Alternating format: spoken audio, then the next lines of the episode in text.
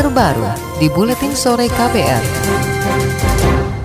Saudara Ketua Majelis Permusyawaratan Rakyat MPR Zulkifli Hasan mengatakan perlunya menghidupkan kembali garis-garis besar haluan negara atau GBHN agar pembangunan nasional berkesinambungan. Ini disampaikan Zulkifli dalam pidatonya di sidang tahunan MPR di Jakarta hari ini. Dalam sidang tersebut, amandemen terbatas konstitusi tetap masuk dalam rekomendasi. Politikus PAN ini mengklaim MPR telah melakukan serangkaian kajian melibatkan berbagai kalangan seperti pakar, akademisi, dan tokoh-tokoh masyarakat. Alasan utama perlu sistem perencanaan pembangunan nasional model GBN mengingat negara seluas dan sebesar Indonesia memerlukan haluan sebagai pemandu arah pelaksanaan pembangunan nasional yang berkesinambungan.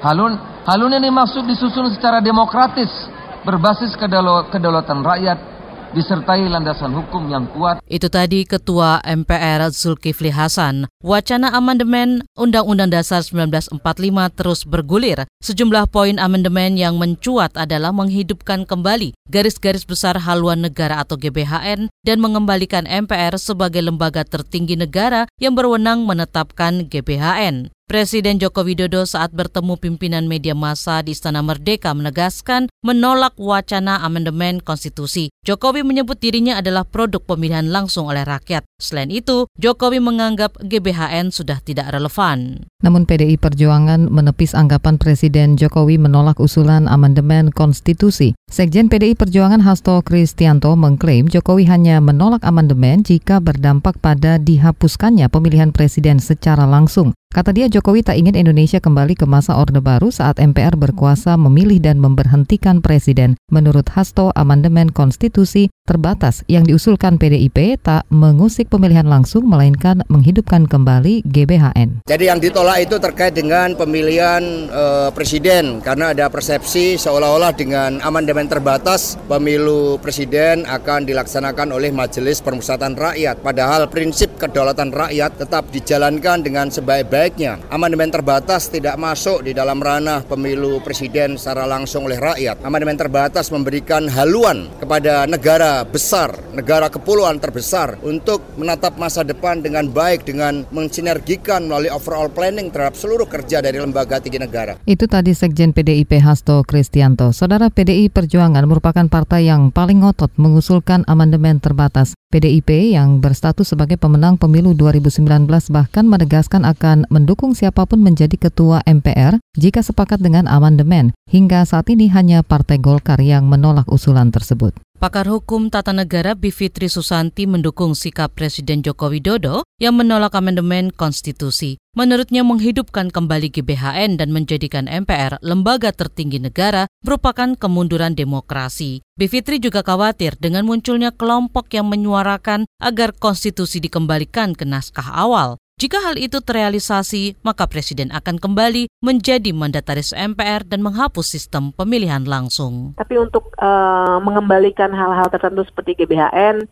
bahkan ada kelompok yang ingin kembali ke UD 45 naskah awal, itu langkah mundur sekali. Karena artinya kita nggak punya MK lagi, uh, kekosongan Presiden tidak dibatasi dua kali, Presiden tidak dipilih langsung oleh rakyat, itu semua uh, langkah mundur yang saya kira mesti sangat uh, disayangkan kalau sampai terjadi. Pengamat Hukum Tata Negara Bivitri Susanti menuding wacana amandemen konstitusi syarat kepentingan elit politik. Kata dia, desakan amandemen konstitusi harus berasal dari rakyat seperti pada masa reformasi 1998. Sekjen Komite Independen Pemantau Pemilu KIPP KK Suminta menganggap wacana amandemen konstitusi merupakan pesanan politik. Ia mengkritik elit politik yang mendukung amandemen lantaran mengabaikan demokrasi dan kedaulatan rakyat. Kata dia, semestinya wacana ini disuarakan politisi sejak masa kampanye pemilu kemarin. Itu agar terlihat berapa banyak rakyat yang memilih parpol yang mendukung amandemen.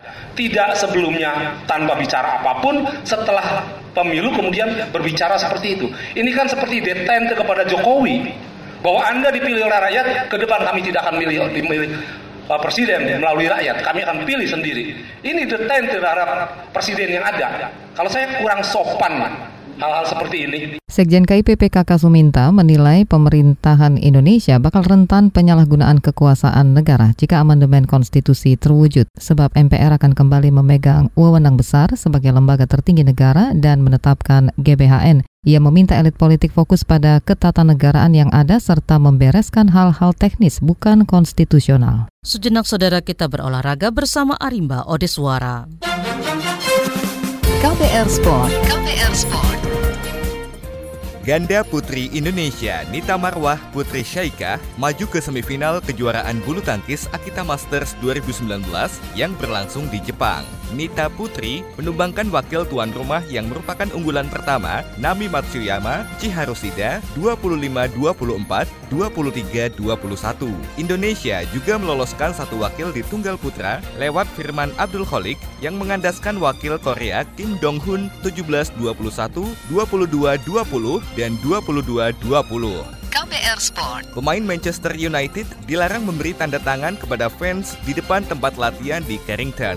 Saat ini, penggemar setan merah sudah tak boleh lagi berkumpul di sana. Dulu fans MU yang didominasi anak-anak bisa menghentikan mobil para pemain dan meminta tanda tangan. Karena dianggap membahayakan, MU kini menetapkan kawasan depan tempat latihan harus bersih dari para fans. KPR Sport. KPR Sport.